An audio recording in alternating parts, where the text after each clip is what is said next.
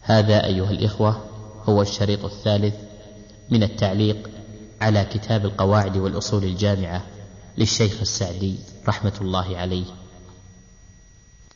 أن هذا الأصل يشمل يشمل جميع العبادات فكذلك المعاملات. فكل معاملة من بيع أو إجارة أو شركة أو غيرها من المعاملات. تراضى عليها المتعاملان لكنها ممنوعة شرعا فإنها باطلة محرمة ولا عبرة بتراضيهما لأن الرضا إنما يشترط بعد رضا الله ورسوله وكذلك التبرعات التي نهى الله ورسوله عنها كتخصيص بعض الأولاد على وهذا الأصل بالنسبة للمعاملات جاءت به السنة. قال النبي صلى الله عليه وسلم كل شرط ليس في كتاب الله فهو باطل. وقال المسلمون على شروطهم إلا شرطا أحل حراما أو حرم حلالا. ولما جيء إليه بتمر طيب سأل أكل تمر خيبر هكذا؟ قالوا لا لكننا نأخذ الصاع من هذا بالصاعين من الردي والصاعين بالثلاثة. فقال هذا عين الربا ثم أمر برده برد البيع.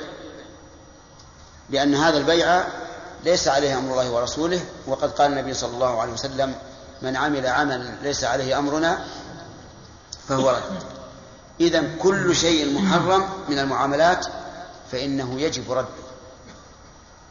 فإذا لم يمكن الرد إذا لم يمكن الرد ولنفرض أن إنسان عامل معاملة ربوية وأخذ عليه الربا يعني أعطي مئة بمئة وعشرين. فقيل له هذا حرام.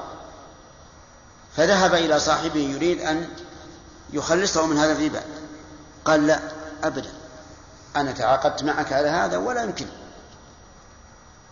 فهنا نقول المظلوم يتوب إلى الله ويعزم على أن لا يعود. والظالم الذي هو المرابي هو الذي عليه الإثم. لأن الظالم يستطيع أن يتخلص وذلك بإسقاط الربا عن المدين. والمدين الآن لا يستطيع أن يتخلص. فنقول أنت الآن أيها المدين ليس عليك إثم لأنك تبت إلى الله توبة نصوحا. أما الإثم فهو على ذلك الدائن الذي أخذ الزيادة الربوية وعليه أن يردها عليك. لكن لو فرض أننا نعلم أن كلا الرجلين قد عمل الربا عن عن علم فهل نرد على هذا الذي انتفع بمال المرابي هل نرد عليه الزيادة التي أخذت منه؟ لا ما نردها لكن نأخذها من المرابي ونصرفها في المصالح العامة لأن المغبون قد أتى هذا الأمر عن بصيرة فلا يمكن أن نجمع له بين انتفاعه بمال الرجل وإسقاط الربا عنه. نقول أنت الآن دخلت على أنك ملتزم بهذا الربا فنأخذه منك. وذاك الرجل الظالم الذي أخذ الربا لا ندخله عليه. نحرمه منه. ونضعه في المصالح العامة. نعم. نعم. هل يجب تعيين نية القضاء والأداء في الصلوات أو أنه يكفي مطلق النية؟ لا ما هو شرط. إذا نوى الظهر كفى سواء أداء أو قضاء. وهنا مسألة مهمة أيضا. الإنسان أحيانا يأتي إلى المسجد. يريد أن يصلي الظهر. لكن إذا أقيمت الصلاة غاب عن ذهن التعيين. إلا أنه نوى أن يصلي هذه الفريضة التي فرض الله في هذا الوقت. فهل تجزئه أم لا بد من التعيين؟ في هذا للعلماء قولان. القول الأول أن هذا الرجل لا تصح من صلاة الظهر لأنه لم لم يعينها. وإذا لم يعينها فإنما الأعمال بالنيات. والثاني أنها تصح منه لأنه نوى فرض الوقت وفرض الوقت في هذا في, في, في هذا الوقت هو الظهر. وهذا رواية عن الإمام أحمد رحمه الله أشار إليها ابن رجب رحمه في شرح الأربعين. وهذا هو الصحيح. وهو الذي لا يسع الناس العمل إلا به. لأن كثيرا من الناس لا سيما إذا جاء مسرعا إما لإدراك الركعة أو لإدراك تكبيرة الإحرام فإنه يغيب عن ذهن التعيين نعم إذا كانت عليه فائدة يا شيخ. نعم. فائدة الظهر. وأتى مع إقامة العصر. نعم. عليه أن ينوي أحدهما؟ إذا أتى إذا كان عليه فائدة الظهر ودخل المسجد والناس يصلون العصر. يدخل معهم بنية الظهر. يجب أن يعين النية شيخ؟ أي معلوم. لأن في هذه في هذه الصورة آه، صار عنده واجبان فلا بد أن يعين أحدهما حتى يتبين. وإن صلاها مطلقة يا شيخ؟ تحتاج إلى إلى إلى نظر. نبدأ. بسم الله الرحمن الرحيم. الحمد لله رب العالمين وصلى الله وسلم على عبده ورسوله نبينا محمد وعلى آله وصحابته أجمعين. قال الشيخ رحمه الله تعالى في أثناء القاعدة الخامسة وهي الشريعة مبنية على أصلين الإخلاص والم... على أصلين الإخلاص لله والمتابعة لرسوله صلى الله عليه وسلم. قال وكذلك التبرعات التي نهى الله ورسوله عنها كتخصيص بعض الأولاد على بعض أو تفضيلهم في العطايا والوصايا. وكذلك في المواريث فلا وصية لوارث. وكذلك شروط الواقفين. لا بد أن تكون موافقة للشرع غير مخالفة له. فإن خالفته ألغيت. وميزان الشروط مطلقا قوله صلى الله عليه وسلم المسلمون على شروطهم إلا شرط إلا شرطا حرم حلالا أو أحل حراما. رواه أهل السنن. وكذلك النكاح شروطه وأركانه والذي يحل منه والذي يحل من النساء والذي لا يحل. قوله في هذه القاعدة كتخصيص بعض الأولاد على بعض يعني تفضيله. يعني تفضيله إما آه، مطلقا أو زيادة على ما أعطى الآخرين. فهذا حرام. لأن النبي صلى الله عليه وعلى آله وسلم قال اتقوا الله واعدلوا بين أولادكم. وهذا في العطايا المجردة. أما ما كان من أجل الحاجة والنفقة فالتعديل بينهم أن يعطي كل إنسان ما يحتاج إليه. فمثلا إذا كان أحدهم يحتاج إلى تزويج والآخرون لم لم يبلغوا ذلك. لم يبلغوا سن التزويج. فزوج هذا المحتاج للتزويج وأعطاه خمسين ألف ريال. فهل يعطي الآخرين؟ لا يعطيهم لو أعطاهم لكان آثما. لأن التزويج من النفقات. وكذلك يفضل الولد الكبير التام في النمو على الولد الصغير الذي في ابتداء النمو. فثوب الأول يحتاج إلى مئة ريال مثلا والثاني يكفيه عشرة ريالات. هل نقول إنه يدخر تسعين ريال لهذا الصغير؟ لا ولا يجوز. لماذا؟ لأن الحاجة بحسبها. كذلك لو احتاج أحد الأولاد إلى علاج وعالجه بآلاف فإنه لا يعطي الآخرين مثله. فالمهم أن التعديل في النفقات والحاجات هي أن يعطي كل واحد ما إيش؟ ما يحتاج.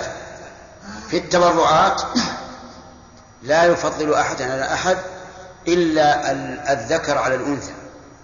فإن العطاء يكون للذكر مثل حظ الأنثيين. واضح؟ طيب المؤلف يقول في العطايا والوصايا؟ العطايا العطية في الحياة والوصية آه بعد الموت.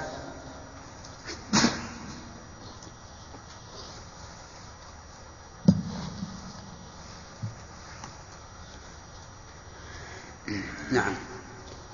وكذلك النكاح شروطه وأركانه والذي يحل من النساء والذي لا يحل. والطلاق والرجعة وجميع الأحكام المتعلقة به لا بد أن تقع على الوجه المشروع فإن لم تقع فهي مردودة. وكذلك الأيمان والنذور لا يحلف العبد إلا بالله أو اسمه. الرجعة الرجعة رد الزوجة إلى عصمة الزوج وذلك في كل طلاق بعد الدخول غير على غير عوض قبل استكمال العدد. هذا هو الطلاق الرجعي أن يكون بعد الدخول وأن يكون على غير عوض وقبل استكمال العدد. هذا هو الطلاق الذي فيه الرجعة فللزوج أن يراجع ما دامت المرأة ما دامت المطلقة في العدة. أما الفسوخات كلها فليس فيها الرجوع كما لو فسخت فسخ لعيبها أو فسخت هي لعيبه وكذلك الطلاق على عوض ليس فيه رجوع وكذلك الطلاق الذي استكمل فيه العدد ليس فيه رجوع وكذلك الطلاق قبل الدخول والخلوة ليس فيه رجوع لأنه ليس فيه عدة. نعم. وكذلك الأيمان والنذور لا يحلف العبد إلا بالله أو اسم أو اسم من أسمائه أو صفة من صفاته أو بنذر لله. فمن نذر أن يطيع الله فليطعه ومن نذر أن يعصي الله فلا يعصه. وكذلك الحنث في الأيمان لقوله صلى الله عليه وسلم. الحلف باسم اسماء الله واضح مثل والله والرحمن والعزيز والسميع والبصير. كذلك في بصفة من صفاته مثل وعزة الله لأفعلن كذا وكذا. وأما الصفات الخبرية المحضة فلا يحلف بها إلا الوجه. فلا يحلف بيد الله مثلا ولا بعين الله إلا الوجه. وذلك لأن الوجه يطلق على الذات كما في قوله تعالى كل من عليها فان ويبقى وجه ربك ذو الجلال والإكرام. كل شيء هالك إلا وجهه. فيجوز أن يحلف بوجه الله فيقول ووجه الله أو بوجه الله لأفعلن كذا وكذا. الأسماء إذن يحلف بها. الصفات المعنوية يحلف بها. الصفات الخبرية المحضة كالوجه واليدين والعينين والساق والقدم لا يحلف بها إلا إلا الوجه. ووجه التفريق بينه وبين غيره أن الوجه يطلق على الذات فإذا قال بوجه الله فكأنما قال بالله. فإن حلف بغير الله فإنه يقول لا إله إلا الله. كما أمر النبي صلى الله عليه وسلم من قال ولات أن يقول لا إله إلا الله لأن الحلف بغير الله شرك ولا إله إلا الله إخلاص فيداوى الشرك بماذا؟ بالإخلاص. ثم هذا اليمين الذي الذي حلفه لا ينعقد. ولا يترتب عليه حكم ليس عليه به إلا أن يتوب إلى الله عز وجل. نعم. وكذلك الحنث في الأيمان لقوله صلى الله عليه وسلم من حلف على يمين فرأى غيرها خيرا منها فليأت الذي هو خير وليكفر عن يمينه. وكذلك الفتوى والقضاء والبينات وتوابعها جميعها مربوط جميعها مربوطة بالشرع.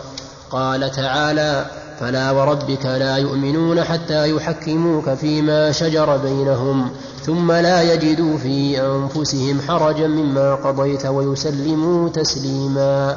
وقال فإن تنازعتم في شيء فردوه إلى الله والرسول إن كنتم تؤمنون بالله واليوم الآخر ذلك خير وأحسن تأويلا. قوله جل وعلا ذلك خير وأحسن تأويلا لئلا يظن الظان أن الرجوع إلى الكتاب والسنة يحصل فيه خلل في الحياة أو ما أشبه ذلك. كالذين يقولون مثلا بتحليل الربا نظرا إلى الاقتصاد العالمي على زعمهم لا يقوم إلا به. فيقال دعوا الربا. وإذا تحاكمتم إلى الله ورسوله فهو خير في الحاضر وخير في المآل. ولهذا قال أحسن تأويلا يعني أحسن عاقبة ومآلا. نعم. بل الفقه من أوله إلى آخره لا يخرج عن هذا الأصل المحيط. فإن الأحكام كلها مأخوذة من الأصول الأربعة الكتاب والسنة الكتاب والسنة وهما الأصل والكتاب الكتاب والسنة وهما الأصل والإجماع والإجماع مستند إليهما والقياس. مستند عندك بالرفع ولا بالنصب؟ مستندا. بالنصب. نعم. والظاهر والله أعلم أنها مستند. بدليل العبارة التي بعدها.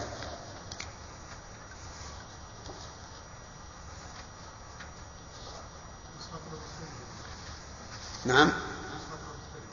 ما فيها ألف. طيب. هذا هو الظاهر. العبارة التي بعدها تدل عليها. والإجماع مستند إليهما والقياس مستنبط منهما. إذا هذه الأصول الأربعة اثنان منهما متفق عليهما بين المسلمين وهما الكتاب والسنة. أما الإجماع فمختلف فيه لأن كثيرا من العلماء يقول لا لا طريق لنا إلى الإجماع. والذي ثبت فيه الإجماع فعلا قد دل عليه الكتاب والسنة. فنكون معتمدين فيه على الكتاب والسنة. وما ليس فيه نص فإنه لا يوجد فيه إجماع لتعذر الوقوف على الإجماع. حتى إن الإمام أحمد رحمه الله قال من ادعى الإجماع فهو كاذب وما يديه لعله مختلف فإذا كان لا يمكن وجود الإجماع الذي لا يستند إلى النص فكيف يقال إنه حجة؟ وقد أكد الشوكاني رحمه الله ذلك في كتابه إرشاد الفحول في علم الأصول. لكن الصحيح أن الإجماع يمكن أن يقع في شيء ليس فيه نص.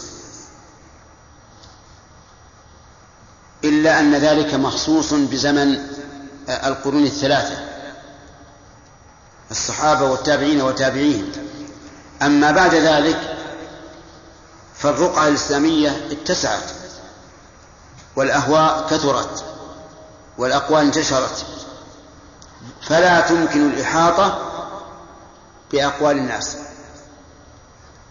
لكن إذا سلمنا جدلا أن المسألة فيها إجماع فإن فإن نأخذ بالإجماع. القياس مختلف فيه فالظاهرية لا يثبتون القياس. وينكرونه أشد الإنكار. فالأصول المتفق عليها من من هذه الأربعة هما الكتاب والسنة وما عدا ذلك ففيه خلاف. بقي أدلة أخرى لم يذكرها المؤلف رحمه الله.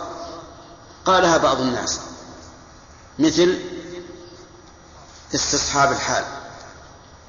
لكن استصحاب الحال موجود في القرآن موجود في السنة. كذلك أيضا موجود دليل رابع ما هو؟ المصالح المرسلة. هذه أيضا ليست دليلا. لأن هذه المصالح المرسلة إن شهد الكتاب لها والسنة لها بالصحة فهي ثابتة بالكتاب والسنة. وإن شهد لها بالبطلان فهي غير مصالح. حتى وإن ظنها صاحبها مصلحة فليست مصلحة.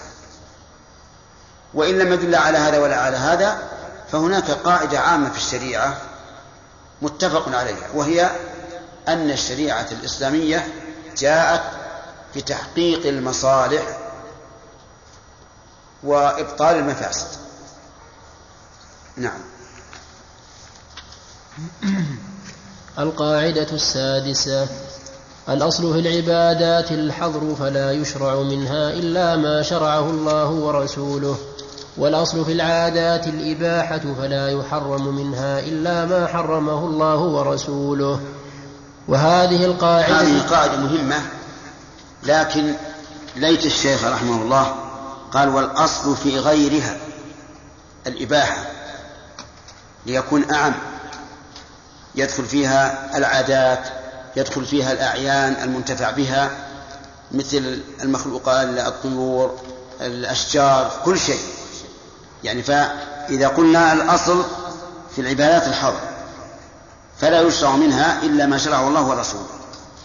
والأصل في العادات نقول الأعم والأشمل أن يقال الأصل في غيره حتى يشمل العادات والمخلوقات والمخلوقات من أشجار وحيوان وغير ذلك. نعم. وهذه القاعدة تضمنت أصلين عظيمين دل, علي دل عليهما الكتاب والسنة في مواضع مثل قوله تعالى في الأصل الأول أم لهم شركاء شرعوا لهم من الدين ما لم يأذن به الله. ومثل الأمر بعبادته وحده لا شريك له في مواضع. والعلماء مجمعون على أن العبادة ما أمر به أمر إيجاب أو استحباب. وقوله في الأصل الثاني هو الذي خلق لكم في أيضا دليل من السنة على هذا الأصل وهو قول النبي صلى الله عليه وسلم من عمل عملا ليس عليه أمرنا فهو رد. وفي لفظ من أحدث في أمرنا هذا ما ليس منه فهو رد. نعم. وقوله في العصر الثاني هو الذي خلق لكم ما في الأرض جميعا أي تنتفعون بها بجميع الانتفاعات إلا ما إلا ما نص على المنع منه. وقوله تعالى قل من حرم زينة الله التي أخرج لعباده والطيبات من الرزق. قوله بالجر ولا بالرفع؟ بالجر. لماذا؟ عطف على قوله مثل قوله تعالى في الأصل الأول. نعم. نعم صح. وقوله تعالى قل من فأنكر تعالى على من حرم ما خلق الله لعباده من المآكل والمشارب والملابس ونحوها فكل واجب أوجبه الله ورسوله أو مستحب فهو عبادة يعبد الله به وحده. فمن أوجب أو استحب شيئا لم يدل عليه الكتاب والسنة فقد ابتدع دينا لم يأذن به الله وهو مردود على صاحبه. كما قال صلى الله عليه وسلم من عمل عملا ليس عليه أمرنا فهو رد. متفق عليه.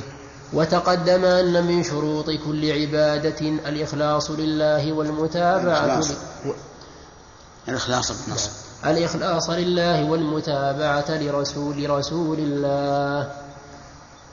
واعلم أن البدع من العبادة واعلم أن البدع من.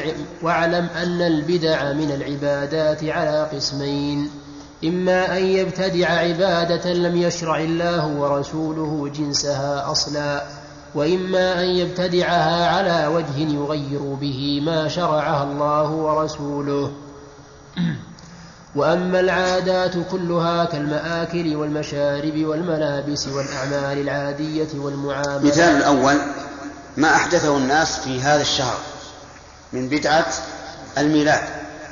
فهذه لم لم ترد أصلا لا في القرآن ولا في السنة ولا في عمل الصحابة ولا في عمل التابعين ولا في عمل تابع التابعين.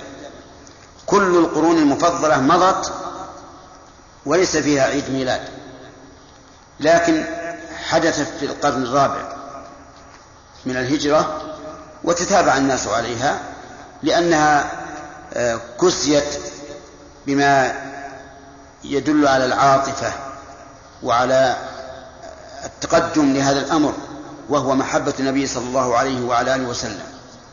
والحقيقة أن محبة الرسول علامتها التأدب مع الرسول. أن لا يشرع في في شريعته ما ليس ما ليس منها. فنقول مثلا هذه هذه البدعة هل كان الرسول يعلمها يعلم أنها مما يقرب إلى الله أو لا؟ إن قالوا لا يعلم فالأمر عظيم. وإن قالوا يعلم قلنا إذا تركها وهو يعلم أنها مشروعة وقد أمر أن يبلغ رسالة ربه فإن لم يفعل فما بلغ رسالة ربه. فأنتم تقدحون به من وجه آخر. فأين هو من هذه البدعة؟ ثم إنها هذا إذا هذا إذا كانت لا تشتمل على شيء محرم. أما إن اشتملت على شيء محرم فإنها تزداد نكرا. مثل اختلاط الرجال والنساء. وأذكار فيها الرقص والتصفيق وأعمال تشبه الجنون. يقولون إنهم يجتمعون ثم يفزون. فزة رجل واحد. لماذا؟ قالوا لأن الرسول صلى الله عليه وسلم حضر. حضرت الرسالة. ثم إنهم يأتون أيضا بقصائد تشتمل على الكفر والشرك حيث يرددون منظومة البوصيري التي تسمى البردة وفيها الكفر والشرك والعياذ بالله. فلذلك نقول هذه بدعة لم يشرع الله ورسوله جنسها أصلا. أما ما شرع جنسه فمثل الأذكار التي تقال فيزاد فيها أو ينقص تعبدا لله تعالى بذلك. فهذا أصله مشروع لكن وصفه غير مشروع. نعم. وأما العادات كلها كالمآكل والمشارب والملابس والأعمال العادية والمعاملات والصنائع فالأصل فيها الإباحة والإطلاق. فمن حرم شيئا منها لم يحرمه الله ولا رسوله فهو مبتدع. كما حر كما حرم المشركون بعض الأنعام التي أباحها الله ورسوله. وكمن يريد بجهله أن يحرم بعض أنواع بعض أنواع اللباس أو الصنائع والمخترعات الحادثة بغير دليل شرعي يحرمها. والمحرم من هذه الأمور الأشياء الخبيثة أو الضارة.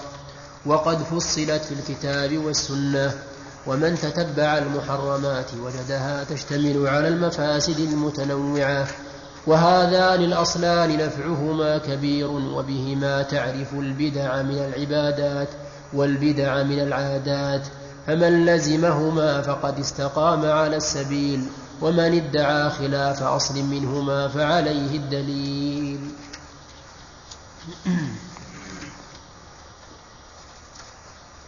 القاعدة هذا واضح نعم.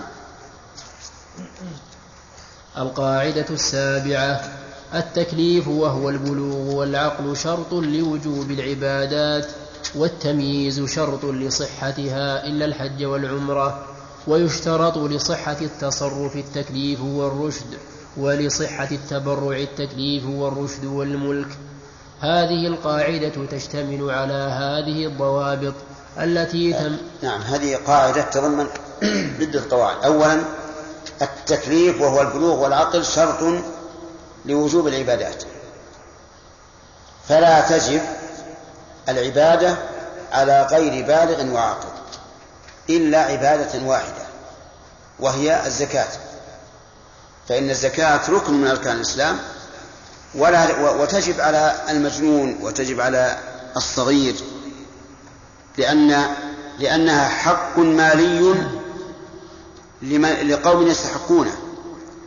فلا عليهم من كون الواجب من كون صاحبها بالغا أو أو غير بالغ. وعلى هذا فيستثنى من قولنا شرط لوجوب العبادات إيش؟ الزكاة. فإنها تجب على من عنده مال زكوي سواء كان صغيرا أو كبيرا عاقلا أو مجنونا التمييز شرط لصحتها إلا الحج والعمرة. يعني كون الإنسان يميز شرط لصحة العبادة.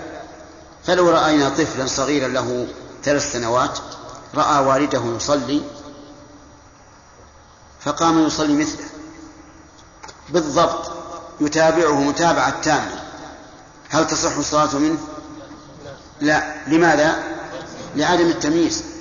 وكذلك لو صار لو كان عندنا شيخ هرم كبير مخرب ورأيناه دائما يصلي الله أكبر ثم يقرأ ويركع ويسجد على غير على غير تمييز وغير شعور فإن صلاته غير صحيحة وذلك لعدم التمييز.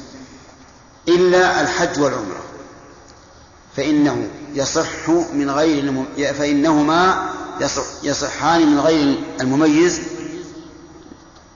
لحديث ابن عباس رضي الله عنهما أن امرأة رفعت إلى النبي صلى الله عليه وسلم صبيا فقالت ألي هذا حج؟ قال نعم ولك أجر.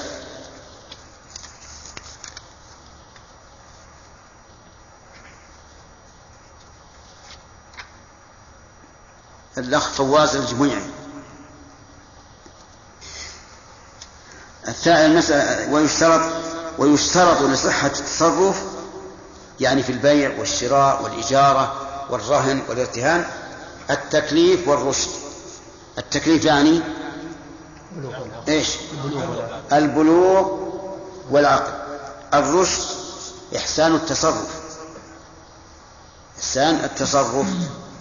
فمثلا لا يمكن أن يبيع الإنسان شيئا من ماله وهو صغير ولا وهو مجنون ولا وهو سفيه لا يحسن التصرف لأن الله تعالى قال ولا تؤتوا السفهاء أموالكم التي جعل الله لكم قياما.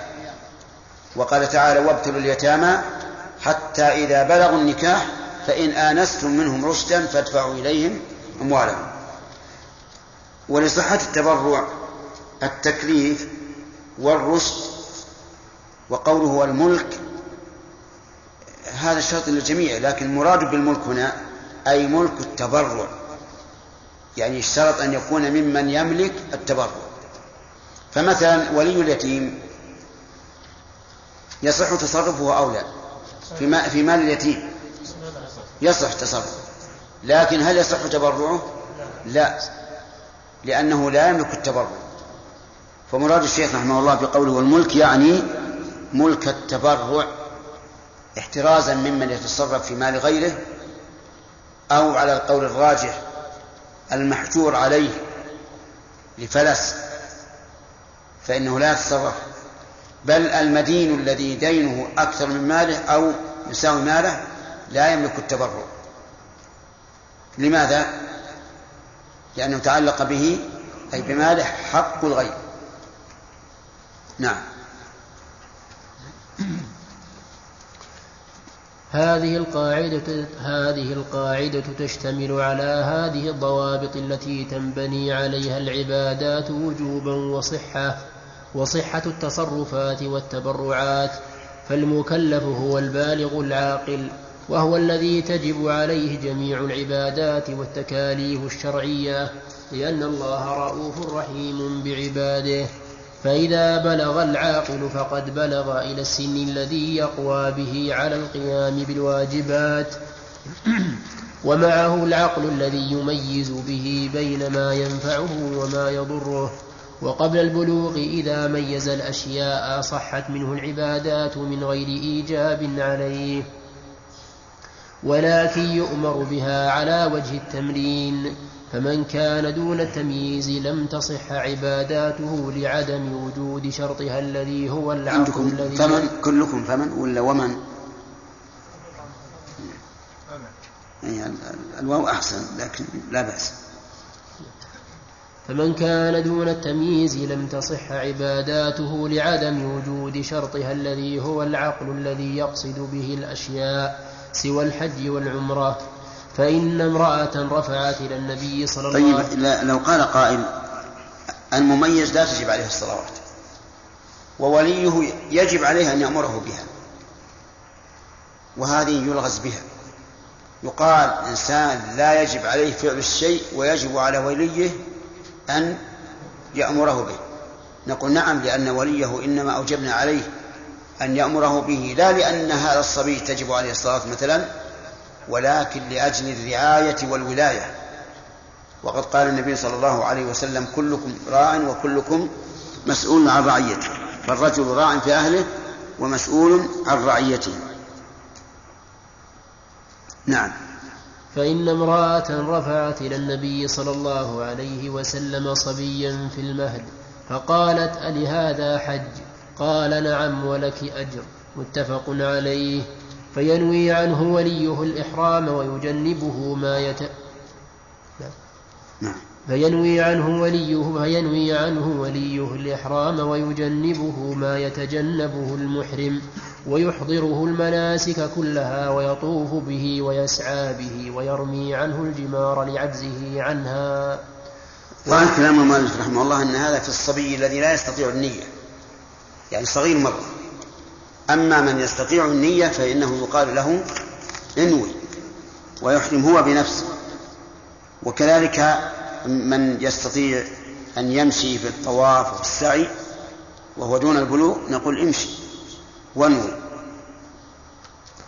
و في فيفعل كل ما يقدر عليه. ومن لا يقدر عليه يقوم به وليه. نعم. ويستثنى من هذه ويستثنى من هذه العبادة. وما مشى عليه المؤلف رحمه الله هو الذي عليه آه، أصحابنا رحمهم الله. وذهب أبو حنيفة وأصحابه إلى أن الصبي إذا أحرم لا يلزمه مقتضى هذا الإحرام. وقال إنه غير مكلف. ووجوب الحج ووجوب إتمام الحج والعمرة على المكلف. وهذا غير مكلف. وبناء على رأي رأيه لو أن الصبي أحرم ثم ضاق ذرعا بالإحرام وترك الإحرام فإن ذلك جائز. ولا حرج عليه على وليه وهذا هو الذي يسوق تسوق الفتوى به في هذا الزمن الذي تكون فيه المشقة على الصبيان وعلى أهليهم أيضا وهذا يرد كثيرا تجد الرجل يحب من أولاده أن يحرموا ولكن إذا أحرموا وجدوا التعب الشديد. فهذا الأمر واسع والحمد لله هؤلاء ليس عليهم إتمام النسك لأنهم غير مكلفين. كل الواجبات لا تجب عليهم. كذلك أيضا في في مسألة الكفارات. سيأتينا ويستثنى من هذا؟ ويستثنى من هذه العبادات المالية كالزكوات والكفارات والنفقات فإنها تجب على الصغير والكبير والعاقل وغير العاقل لعموم النصوص من الكتاب والسنة ولأن معتمدها المال. أما الزكوات فنعم تجب على الصغير وتجب على المجنون لأن إيجاب هذا الحق ليس بفعلهم بل هو واجب بأصل الشرع. وأما الكفارات ففيها نظر في وجوبها على الصغار نظر. لأن الكفارة لا تكون إلا من فعل إما ترك واجب وإما فعل محرم. والصبي والمجنون غير مكلفين بفعل الواجب ولا باجتناب المحرم. فلو أن صغيرا قتل إنسانا خطأ وهذه تقع كثيرا تجد السائق سائق السيارة صغيرا غير مكلف فيحصل منه حوادث ويموت معه من يموت. فهل نقول إنه إنه يجب عليه أن أن يكفر. أكثر العلماء يقول يجب عليه أن يكفر لأن الله تعالى أوجب كفارة القتل في الخطأ مع أن المخطئ معفو معفو عنه غير مؤاخذ. والصغير مثله ومنهم من قال لا وجو لا تجب عليه الكفارة أي كفارة أي كفارة القتل لأنه ليس أهلا للوجوب. وهناك فرق بين من انتفى عنه الإثم لأنه غير أهل الوجوب وبين من انتفى عنه الإثم لوجود مانع مع وجود سبب الوجوب وهو البلوغ والعقل.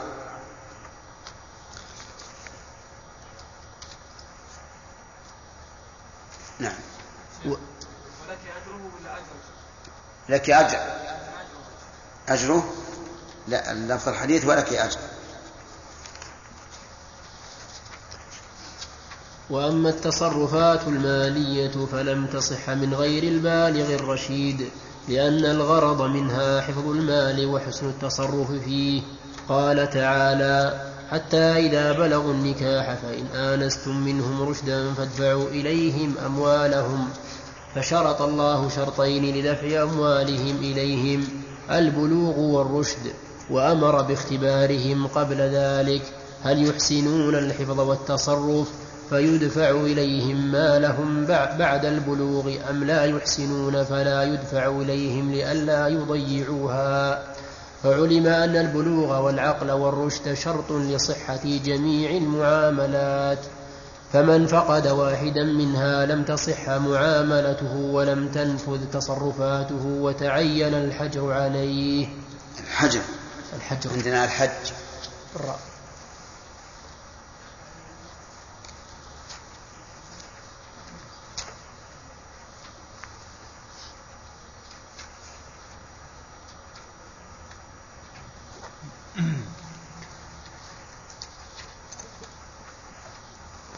وأما التبرعات فهي بذل المال بغير عوض من هبة أو صدقة أو وقف أو عتق أو نحوها فلا بد مع ذلك أن يكون المتبرع مالكا يقال هبة وصدقة وهدية. الصدقة ما أريد به الآخرة الأجر والثواب والهدية ما أريد بها المودة والمحبة. والهبة ما أريد بها نفع, نفع المعطى بقطع النظر عن الثواب أو المودة.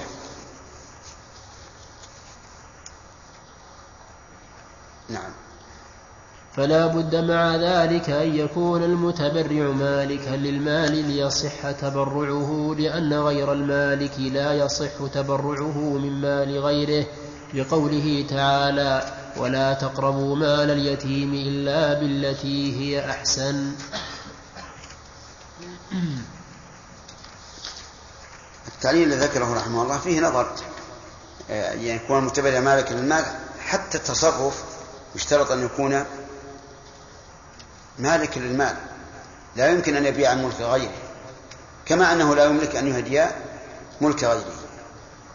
لكن لو حملنا هذا الكلام على ما سبق مالك للمال أي للتبرع بالمال.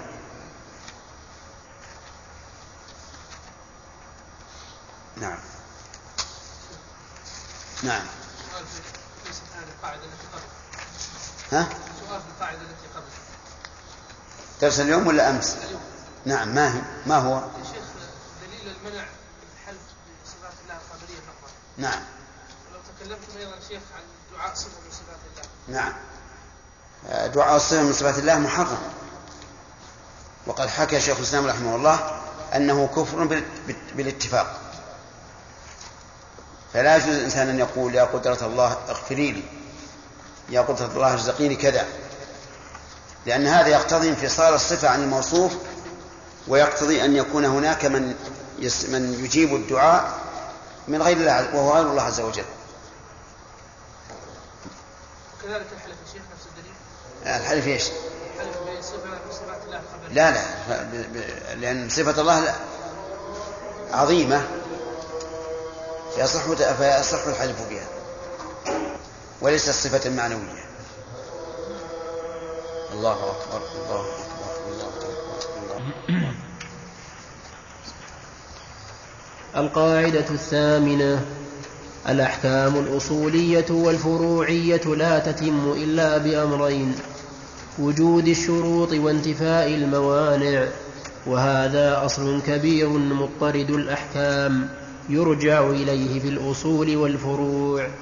فمن فوائده أن كثيرا من نصوص الوعد بالجنة أو تحريم النار أو نحو ذلك قد ورد في بعض قد ورد في بعض النصوص ترتيبها على أعمى على أعمال لا تكفي وحدها بل لا بد من انضمام الإيمان وأعمال أخرى لها وكذلك وكذلك في نصوص كثيرة ترتيب دخول النار أو الخلود فيها على أعمال لا تستقل بهذا الحكم.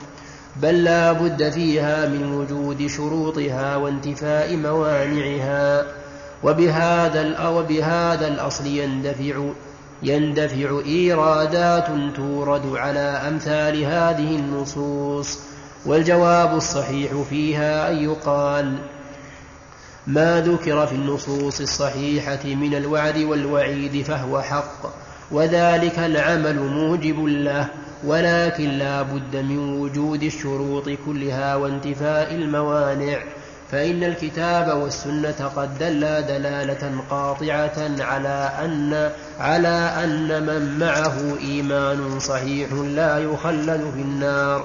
كما دل الكتاب والسنة أن المشرك محرم عليه دخول الجنة وأجمع على ذلك السلف والأئمة. وأنه قد يجتمع في الشخص الواحد. وأنه يعني ودل الكتاب والسنة على أنه. نعم. وأنه قد يجتمع في الشخص الواحد إيمان وكفر وخير وشر وموجبات الثواب وموجبات العقاب وذلك مقتضى النصوص ومقتضى حكمة الله ورحمته وعدله. فمن فروع هذا الأصل الصلاة لا تصح حتى توجد شروطها وأركانها وواجباتها وتنتفي موانعها وهي مبطلاتها وهي مبطلاتها التي ترجع إلى الإخلال بشيء مما يلزم فيها أو فعل منهي عنه فيها بخصوصها. وكذلك الصيام لا بد في صحته من وجود كل ما يلزم فيه ومن, ومن انتفاء المفطرات وكذلك الحج والعمرة. قول أو فعل منهي عنه فيها بخصوصها. لاحظوا هذا القيد فإنه مهم لأن المنهي فيه عموما لا يفسد العبادة. فمثلا لو أن الرجل وهو يصلي نظر إلى امرأة أجنبية نظر شهوة فإن الصلاة لا تبطل. لكنه حرام عليه. لماذا؟ لأن تحريم النظر إلى المرأة الأجنبية ليس ليس مقيدا بما إذا كان إنسان في صلاه عرفتم؟ طيب. إيه، لو أن إنسانا قرأ القرآن وهو راكع أو ساجد فما حكم صلاته؟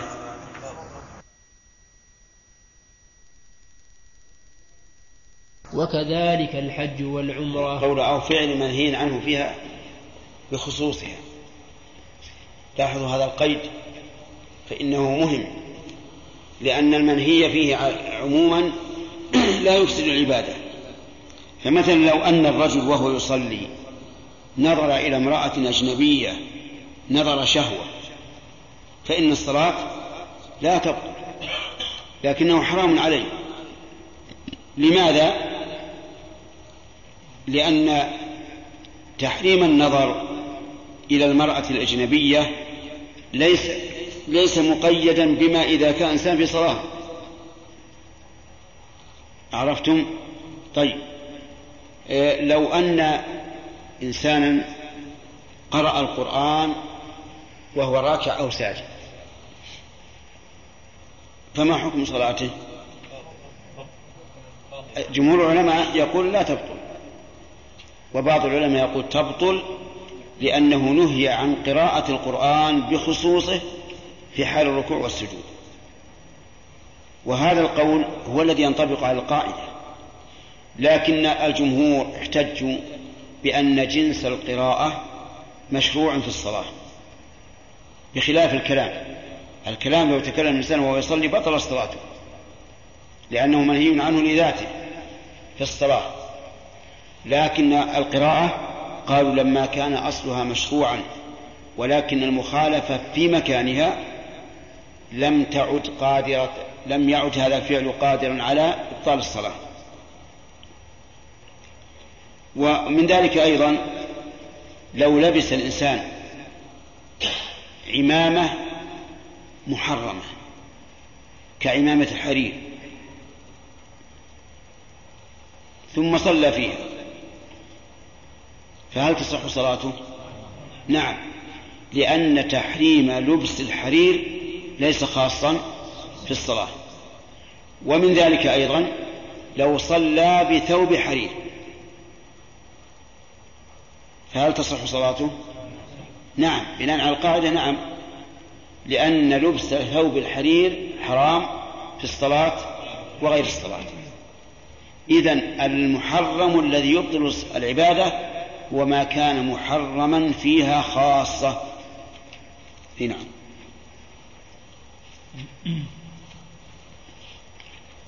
وكذلك الحج والعمرة. ومن الصيام نعم. وكذلك الصيام لا بد في صحته من وجود كل ما يلزم فيه ومن انتفاء المفطرات. وكذا وجود كل من وجود كل لا بد في صحته من وجود كل ما. وكذلك الصيام لا بد في صحته من وجود كل ما يلزم فيه ومن انتفاء المفطرات.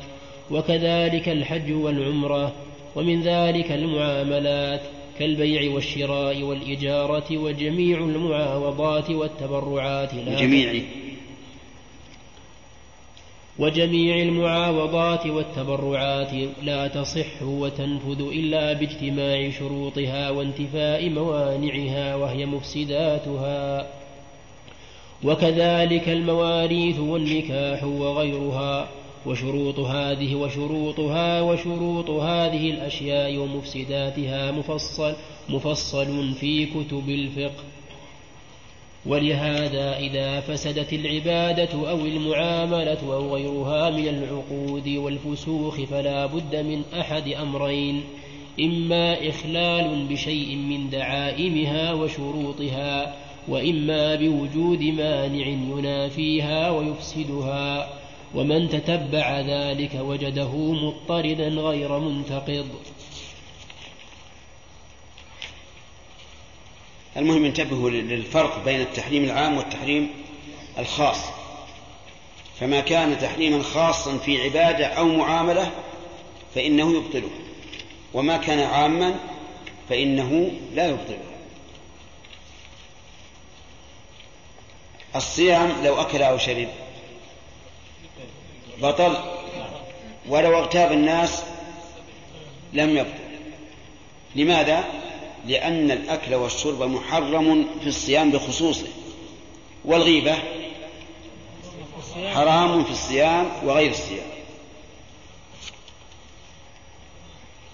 نعم. القاعدة التاسعة. ولو لبس قميصا في الحج لأثم. ولزمته الفدية على رأي الجمهور. ولو اغتاب الناس وهو محرم لأثم لكنه لا يلزمه فدية على, على رأي الجمهور أيضا. لماذا؟ لأن الغيبة لا تختص بالحج فهي حرام في كل حال.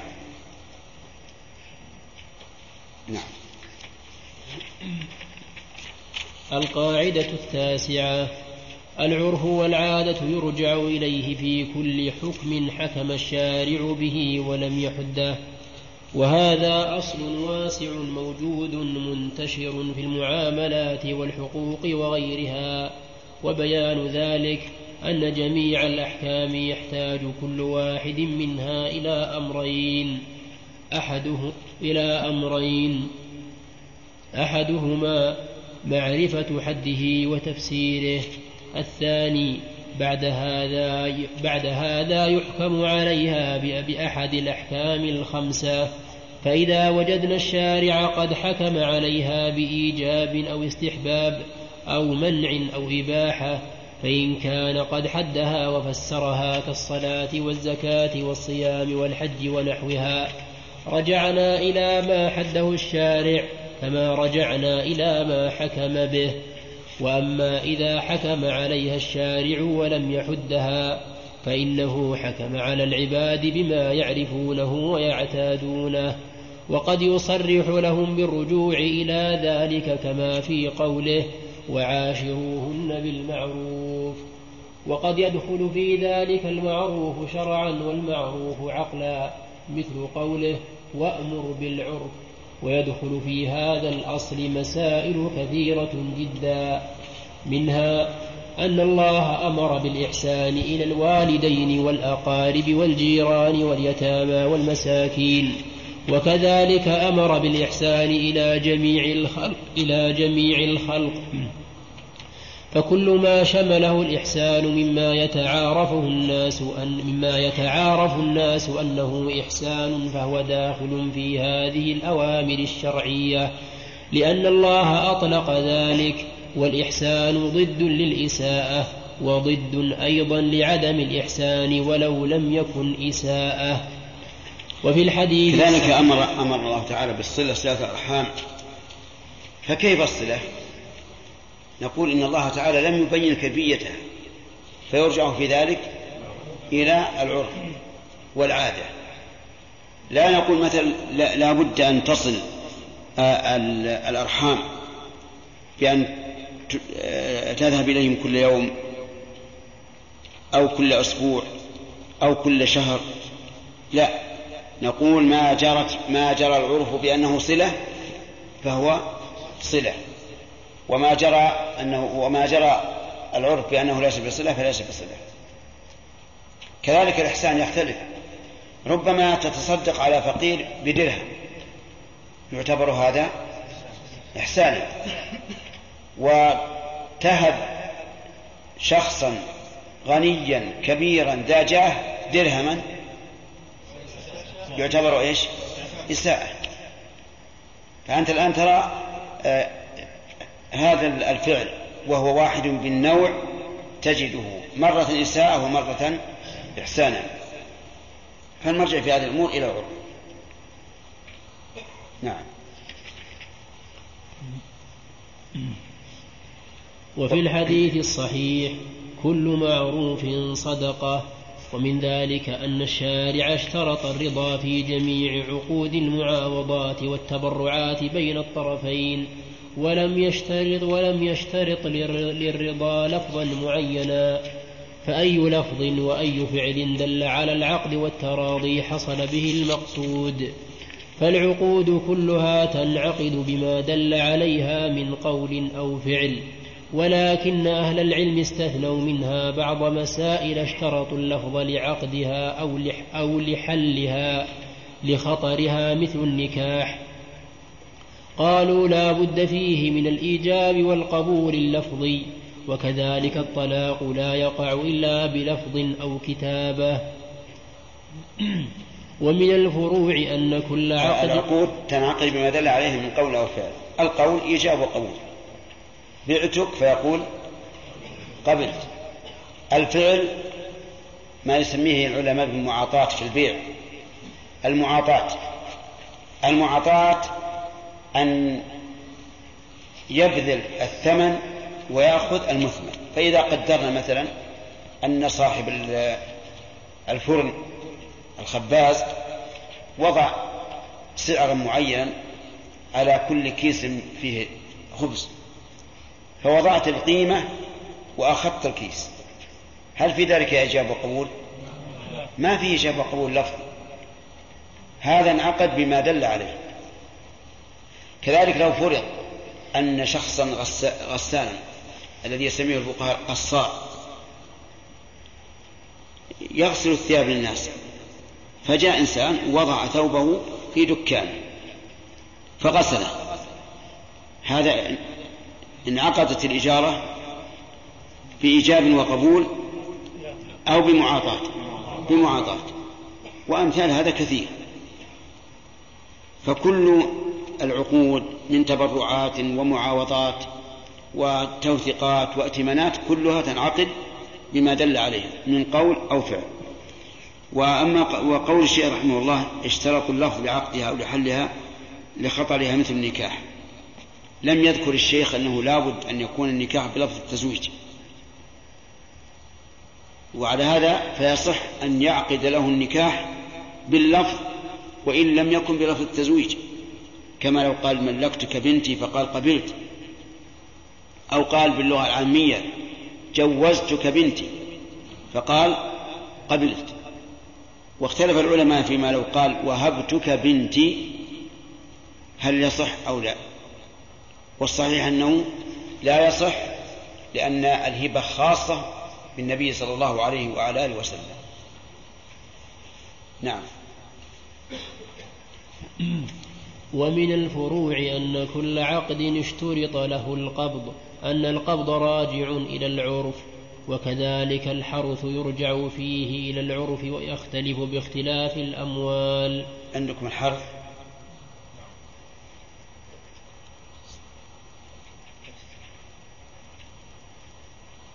لعلها الحرز.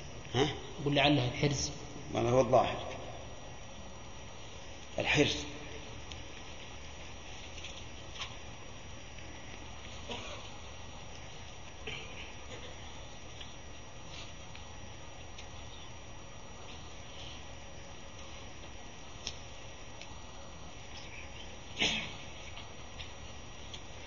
وكذلك الحرز يرجع فيه إلى العرف ويختلف باختلاف الأموال. ومن ذلك يعني حرز الأموال يختلف. فحرز البطيخ ونحوه بأن يجعل الإنسان في حظيرة أو يجعل عليه ثوبا. وحرز النقود من الذهب والفضة وغيرها بالصناديق وراء الوثيقة. حفظ الغنم والماشية بالحضار وما أشبه ذلك فهو يختلف باختلاف الأموال. نعم. ومن ذلك أن الأمين لا يضمن ما تلف ما تلف عنده إلا بتعد أو تفريط والتعدي والتفريط مرجعه إلى العرف فما عده الناس تعديا أو تفريطا علق به الحكم. من هو الأمين؟ الأمين كل من حصل المال بيده بإذن من الشارع أو إذن من المالك. هذا الأمين فالوكيل حصل المال بيده بإذن من المالك. وولي, وولي اليتيم حصل المال بيده بإذن من الشارع. كل أمين لا يضمن ما تلف عنده إلا بتعدي أو تفريط. والفرق بين التعدي والتفريط أن التعدي فعل ما لا يجوز والتفريط ترك ما يجب. فمن أعطي أمانة للحفظ فاحتاج وتصرف فيها فهذا متعدي. ومن أعطي أمانة ووضعها على الرف في حوش البيت وهي من الذهب والفضة فهذا إيش؟ هذا مفرط نعم. ومن ذلك أن من وجد لقطة لزمه أن يعرفها حولا كاملا بحسب العرف فإن لم يجد صاحبها بعد تعريفها ملكها ومن فروعها أن يعني بحسب العرف ما نقول عرفها كل يوم ولا كل أسبوع ولا كل شهر. يرجع في ذلك إلى العرف. ومن المعلوم أنه في أول ما تجدها لا بد أن تتابع التعريف لأن ضياعها من مالكها حي. أما إذا طالت المدة مثل بعد أن انتصفت السنة فيكفي أن أن تعرفها في الشهر مرة مثلا. وقول المؤلف رحمه الله أن من وجد لقطة لا بد فيها من قيد من لقطة يجب تعريفها. احترازا من اللقطة التي لا يجب تعريفها لعدم اهتمام الناس بها. ولهذا لما رأى النبي صلى الله عليه وسلم آه، تمرة في السوق قال لولا أني أخشى أن تكون من من الصدقة لأكلتها. فالشيء الذي لا يهتم به الناس لا يجب تعريفه. لو لقي, لو لقي الإنسان قلما يساوي نصف ريال مثلا هل يجب أن نعرفه؟ ليش؟ الناس لا يهتمون به لكن لو وجد قلم يساوي مئة ريال لزمه تعريفه لأن الناس يهتمون به نعم ومن فروعها أن الأوقاف يرجع في مصارفها إلى شروط الواقفين التي لا تخالف الشرع فإن جهل شرط الموقف رجع في ذلك إلى العادة والعرف الخاص ثم إلى العرف العام في صرفها في مصارفها. ومن ذلك الحكم باليد والمجاراة لمن كان بيده عين يتصرف فيها مدة طويلة يتصرف فيها مدة طويلة تصرف الملاك بأنها له عملا بالعرف إلا ببينة تشهد بخلاف ذلك. وهذه مسألة مهمة. إذا كان هذا الملك بيد, بيد إنسان يتصرف فيه تصرف الملاك في أملاكه بتأجير واستغلال وغير ذلك ثم جاء إنسان يقول هذا لي وكان يشاهده يتصرف في هذا في هذا الملك فإن دعواه هذه لا تسمع. قال شيخ الإسلام حتى لو أتى بوثيقة أن هذا الملك لجده أو ما أشبه ذلك فإنها لا تسمع. لأن انتقال الملك أسبابه كثيرة ويحتمل أن هذه الوثيقة نسيت عند انتقال الملك ووجدت بعد ذلك. فلا يمكن أن تنزع أملاك الناس بمثل هذا.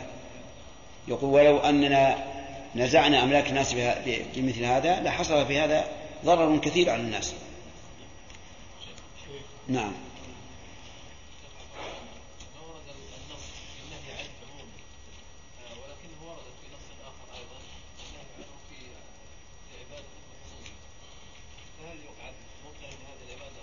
مثل إيش؟ نعم.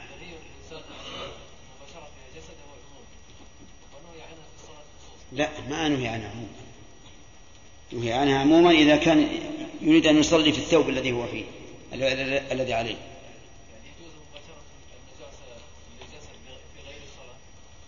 أي نعم.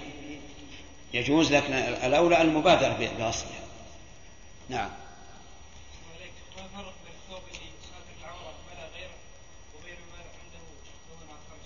إيش؟ ثوب الحرير يا شيخ. نعم. لا الصحيح أن أن الثياب المحرم لبسها لا لا تخل بالصلاة. هذا هو الصحيح. سواء كان عنده غيره أو لا. لأنه إذا لم يكن عندها عنده غيرها جاز له لبسها صار لبسها ضرورة. نعم.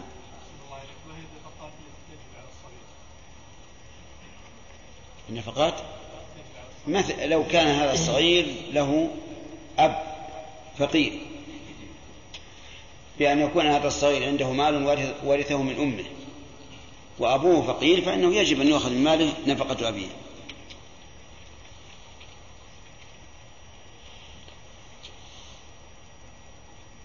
الاستعارة وأخذ هذا الكتاب عند التوزيع فنقول بارك الله له في الكتاب وليرد العارية إلى صاحبها.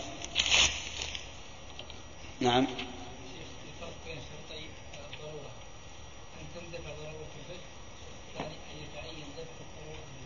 أن تعين إيش؟ نعم يعني بحيث لا يمكن أن أن ندفع الضرورة بغيره مثل الدواء. الدواء يمكن أن ندفع ضرورة المريض بدواء مباح. فهمت؟ هذا الشرط الثاني. الشرط الأول أن أن يكون مضطرا إلى هذا. يعني أن أن الضرورة متحققة. تندفع الضرورة به. بمعنى أنه إذا فعل هذا المحرم أو أكل مثلا شبع.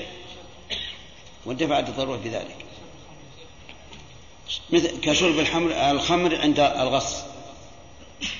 نعم كمال.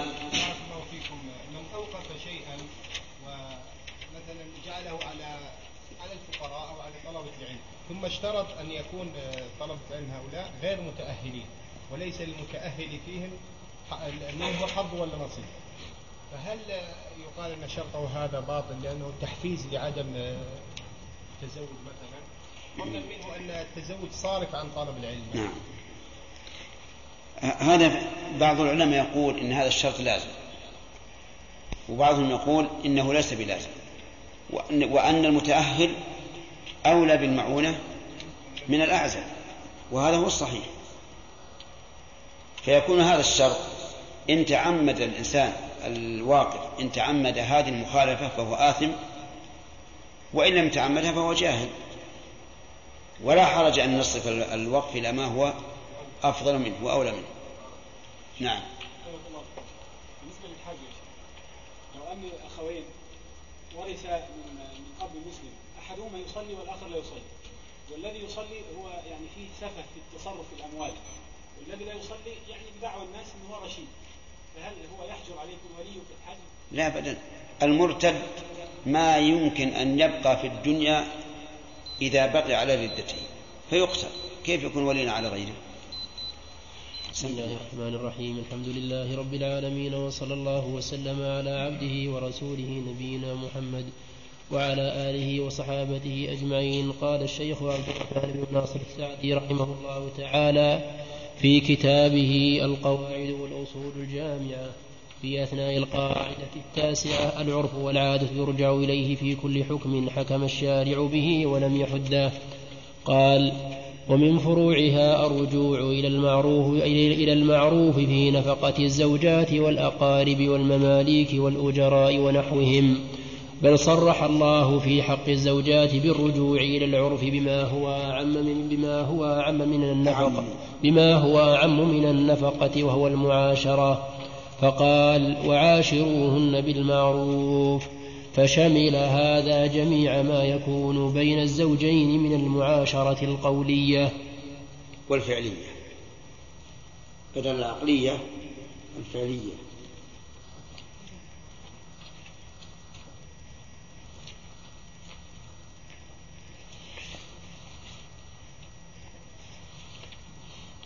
من المعاشرة القولية والفعلية وأن على كل منهما الرجوع فيها إلى المعروف ومن فروعها ولكن ما هو المعروف؟ هل المعتبر حال الزوج في الإنفاق أو المعتبر حال الزوجة أو حالهما جميعا؟ فقيل المعتبر حال الزوج. إن كان غنيا فعليه نفقة غني وإن كان فقيرا لم يلزمه إلا نفقة فقير. وهذا القول هو الصحيح. وهو ما في القرآن الكريم لقوله تعالى لينفق ذو سعة من سعته ومن قدر عليه رزقه فلينفق مما آتاه الله. لا يكلف الله نفسا إلا ما آتاها. وقيل المعتبر حال الزوجة. وقيل المعتبر حالهما. ويظهر هذا. أثر هذا الخلاف بالمثال. فإذا كان الزوج غنيا والزوجة من أناس فقراء. فعلى القول الذي رجحنا يلزمه إيش؟ نفقة غني.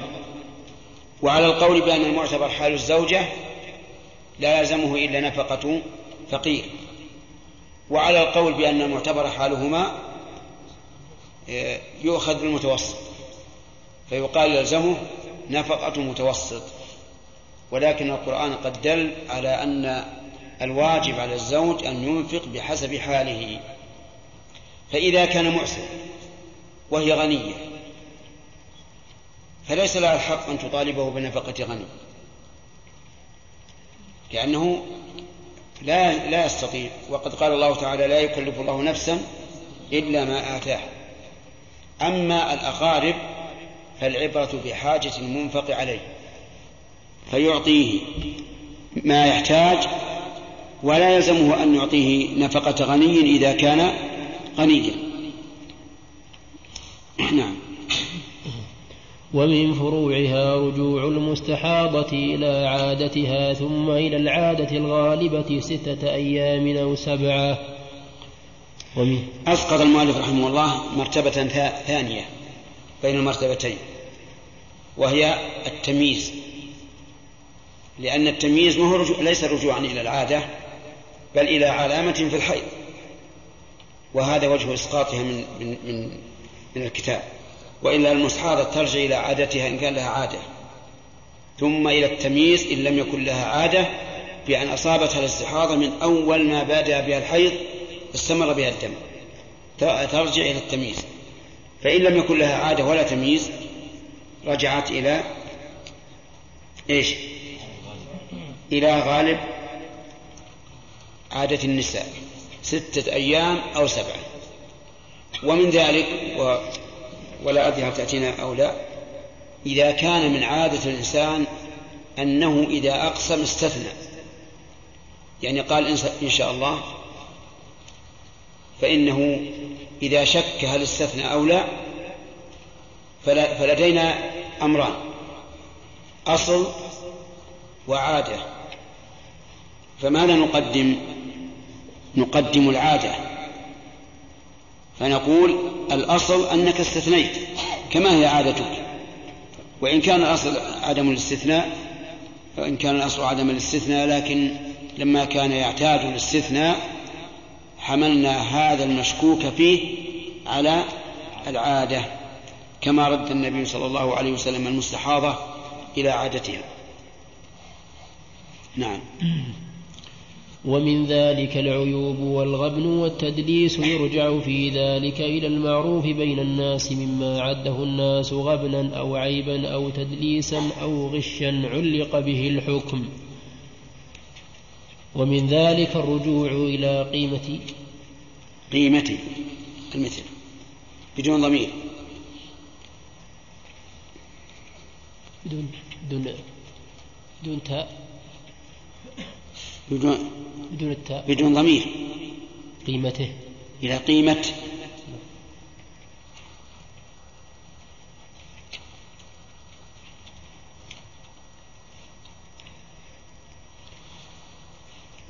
ومن ذلك الرجوع إلى قيمة المثل في المتقومات والمتلفات والضمانات وغيرها. والرجوع إلى مهر إلى مهر المثل لمن وجب لها مهر ولم يسم أو سمي تسمية فاسدة. وكذلك الرجوع إلى أجرة المثل في الإجارات التي لم تسم فيها الأجرة أو سميت تسمية غير صحيحة. وفروع هذا الأصل لا تحصى.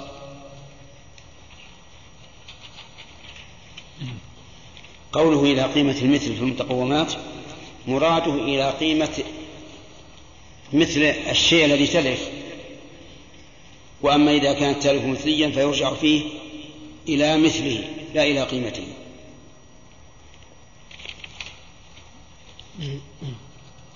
نعم. القاعدة العاشرة البينة على المدعي واليمين على من أنكر في جميع الدعاوي والحقوق وغيرها. وقد أجمع أهل العلم على هذا الأصل العظيم. قول الرجوع إلى أجرة المثل في الإجارات التي لم تسمى لها فيها الأجرة. هذا إذا كان الأجير قد نصب نفسه لذلك كالغسال والبناء وما أشبه ذلك فله أجرة المثل وأما إذا كان متبرعا فلا أجرة له. نعم. القاعدة العاشرة البينة على المدعي واليمين على من أنكر في جميع الدعاوي والحقوق وغيرها. وقد أجمع أهل العلم على هذا الأصل العظيم في الجملة. قال صلى الله عليه وسلم البينة على المدعي واليمين على من أنكر. رواه البيهقي وأصله في الصحيحين. وهذا الأصل يحتاجه القاضي والمفتي وكل أحد لشدة الحاجة إليه. وقد قيل في قوله تعالى وآتيناه الحكمة وفصل الخطاب أن فصل الخطاب هو أن البينة على المدعي واليمين على من أنكر. لأن به تنفصل الشبهات وتنحل, وتنحل الخصومات. ولا شك أن ذلك داخل ولا شك أن ذلك داخل في, داخل في فصل الخطاب. لأن الفصل بين الحق والباطل لأنه الفصل بين الحق والباطل في الديانات والأموال والحقوق. فكل من ادعى عينا عند غيره أو دينا على غيره أو حقا من الحقوق فعليه البينة وهي كل ما أبان الحق ويختلف نصابها وحالها باختلاف المشهود عليه. فإن لم يأت ببين فإن لم يأت ببينة تشهد بصحة دعواه فعلى الآخر اليمين التي تنفي تنفي ما ادعاه المدعي. وكذلك هذه القاعدة رحمه الله أن البينة كل ما أبان الحق.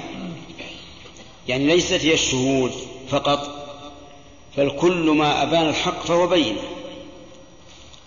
ولذلك ذكر العلماء رحمهم الله مسائل كان فيها كانت البينة فيها قوة الظاهر. فمن ذلك القسامة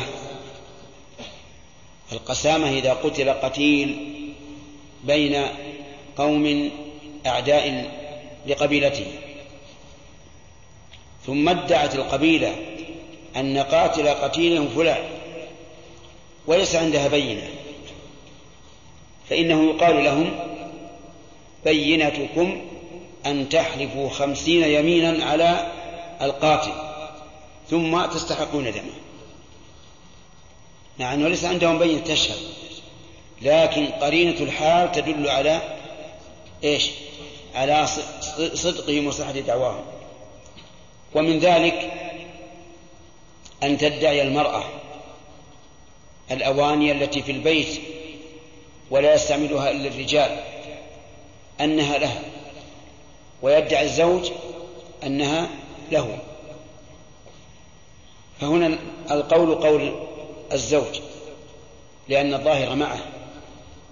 كذلك ما ذكره العلماء لو أن رجلا بيده عمامة. بيده عمامة وعلى رأسه عمامة. فلحقه إنسان يقول عمامتي عمامتي.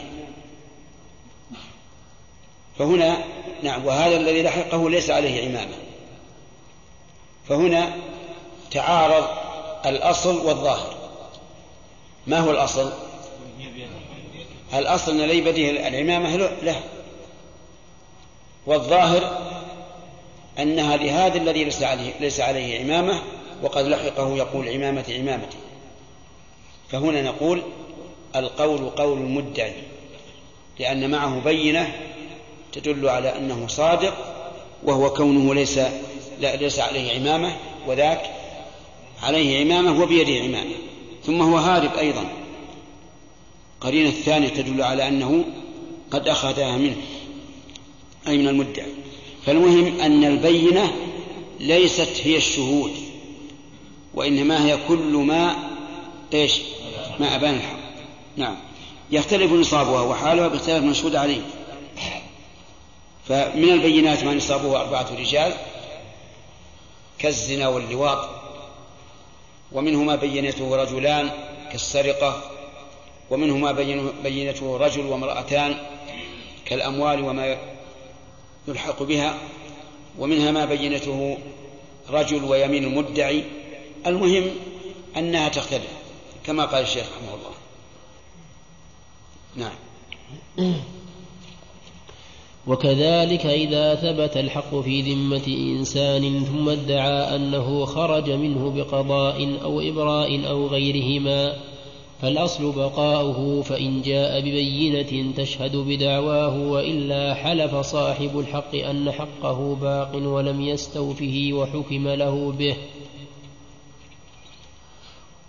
وكذلك من ادعى استحقاقا في وقف أو ميراث فعليه إقامة البي فعليه فعليه إقامة البينة التي تثبت السبب الذي يستحق به ذلك وإلا لم يثبت له شيء. فإن كان فإن كان المال بيد من لا يدعيه لنفسه كاللقطة والأموال التي يجهل أربابها فبينة المدعي أن يصفه بصفاته المعتبرة وجميع الدعاوي مضطرة إلى هذا الأصل والله أعلم ويقارب هذا الأصل الذي بعده وهو القاعدة. اللقطة إذا جاء إنسان وقال هذه لي قلنا أصفها له فإذا وصفها وانطبق الوصف عليها أعطيناه إياه بدون يمين وبدون شهود لأن الذي هي بيده لم يدعها لنفسه حتى نقول لابد من, من بينة. فإن لم يصفها بأوصافها فإنها ليست له. وعلى هذا فبينة صاحب اللقطة وصفها بما ينطبق على اللقطة. نعم. ويقارب هذا الأصل الذي بعده وهو القاعدة الحادية عشر. الأصل بقاء ما الصواب الحادية عشرة.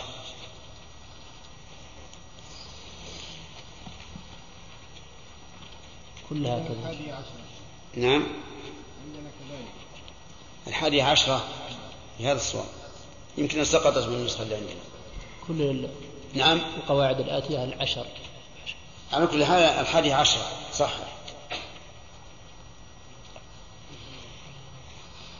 القاعدة الحادية عشرة. الأصل بقاء ما كان الأصل بقاء ما كان على ما كان واليقين لا يزول بالشك.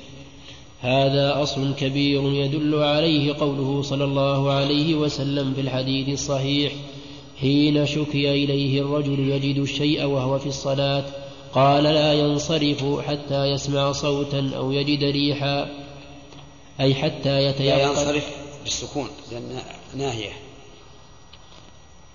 قال لا ينصرف حتى يسمع صوتا أو يجد ريحا أي حتى يتيقن أنه أحدث.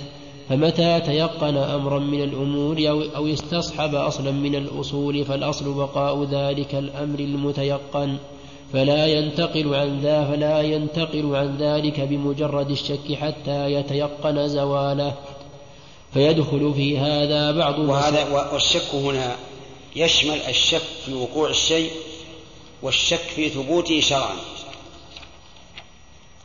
فمثلا إذا قال قائل القيء ينقض الوضوء. فنقول أين الدليل؟ هذا رجل متوضئ ويقين وضوء باق فأتي بدليل. فإذا جاء بحديث ضعيف يدل على انتقاض الوضوء بالقيء فإننا لا ننتقل عن الأصل ولا نقول ولا نقول بالنقض. كذلك لو قال قائل إذا تمت مدة المسح في الخفين انتقض الوضوء. نقول لا ينتقض لأن الوضوء ثبت بمقتضى دليل شرعي فلا يمكن أن ينتقض إلا بدليل شرعي. كذلك لو لو قال قائل إذا خلع الخفين بعد مسحهما أو الجوارب بعد مسحهما انتقض وضوءه. نقول لا ينتقض. لماذا ينتقض؟ هذا الرجل الآن ثبت وضوءه بإيش؟ بدليل شرعي فهو باقي. حتى يثبت زواله بدليل شرعي. وهذا الأصل الذي ذكره النبي عليه الصلاة والسلام آه، له مئات المسائل أو آلاف. لو أن الإنسان شك هل طلق امرأته أو لا. قلنا لم تطلق. لو قال لزوجته إن كان هذا الطائر غرابا فأنت طالق. ومضى الطائر ولا, ولا يدرى معه. تطلق أو لا. ليش؟ لأنه لم يتيقن أنه, أنه الغراب الذي علق عليه الطلاق. وهذه قاعدة تفيد الإنسان في كل شيء. أي نعم. ما في سؤال؟ السؤال بعد خمس دقائق. قبل خمس دقائق من الأذان. نعم. فيدخل في هذا بعض مسائل الأصل الذي قبله ويدخل فيه أن من تيقن الطهارة وشك في الحدث هل حصل له موجب هل حصل له موجب من موجبات الطهارة وناقض من من نواقضها؟ فالأصل بقاء طهارته والطه فالأصل بقاء طهارته. والطهارة أصل كل شيء فمتى شك الشاك في طهارة ماء أو بقعة أو ثوب أو إناء أو غيرها بنى على الأصل وهو الطهارة. ومن ذلك لو أصاب وإذا كان قد تنجس أو أحدث يبنى على الأصل؟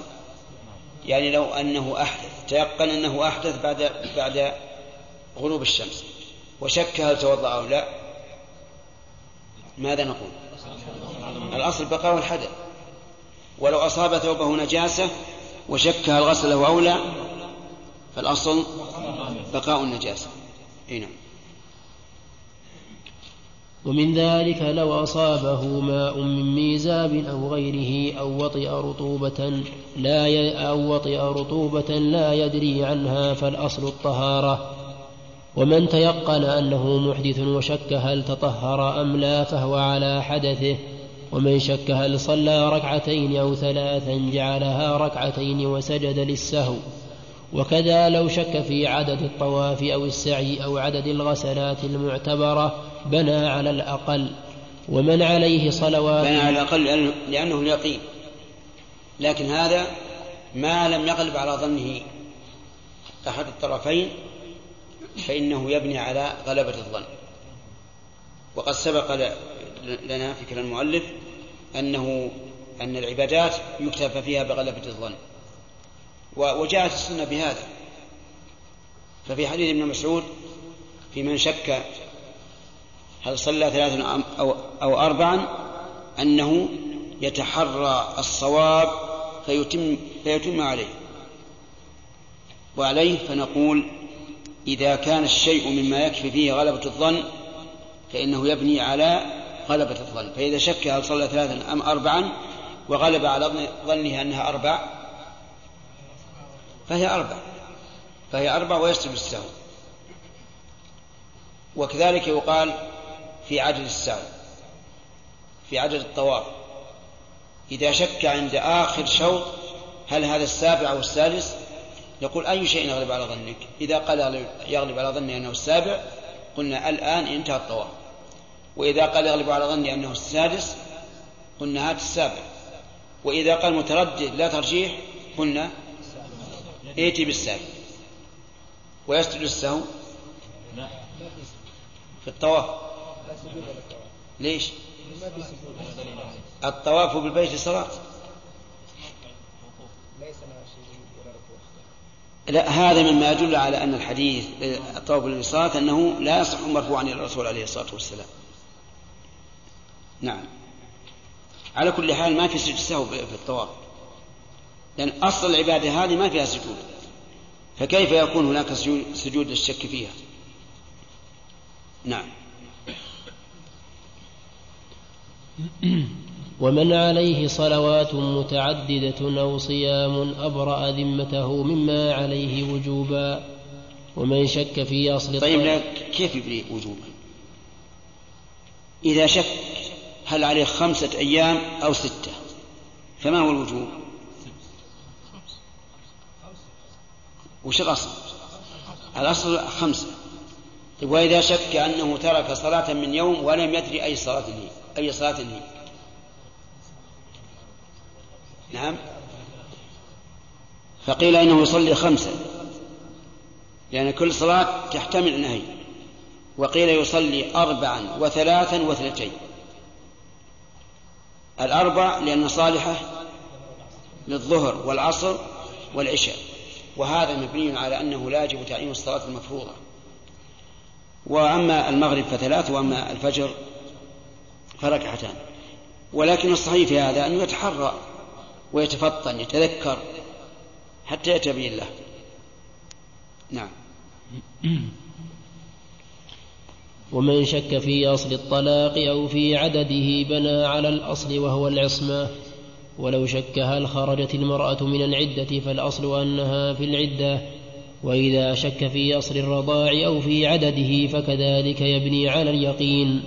ومن رمى صيدا مسميا ثم وجده قد مات ولم يجد فيه إلا أثر سهمه بنى على الأصل وأنه مات بسهمه فهو حلال.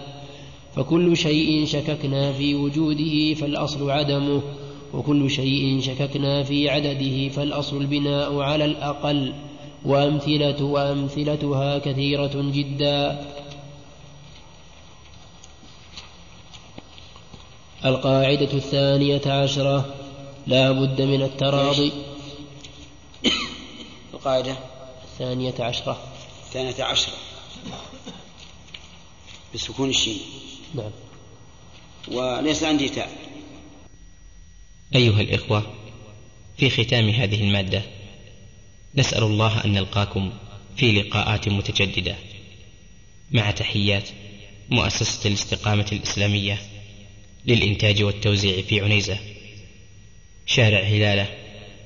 رقم الهاتف والناسخة الهاتفية صفر ستة ثلاثة ستة أربعة ثمانية ثمانية ثمانية صفر والرقم الثاني صفر ستة ثلاثة ستة أربعة خمسة ثمانية ثمانية صفر ورقم صندوق البريد اثنان وخمسمائة وألف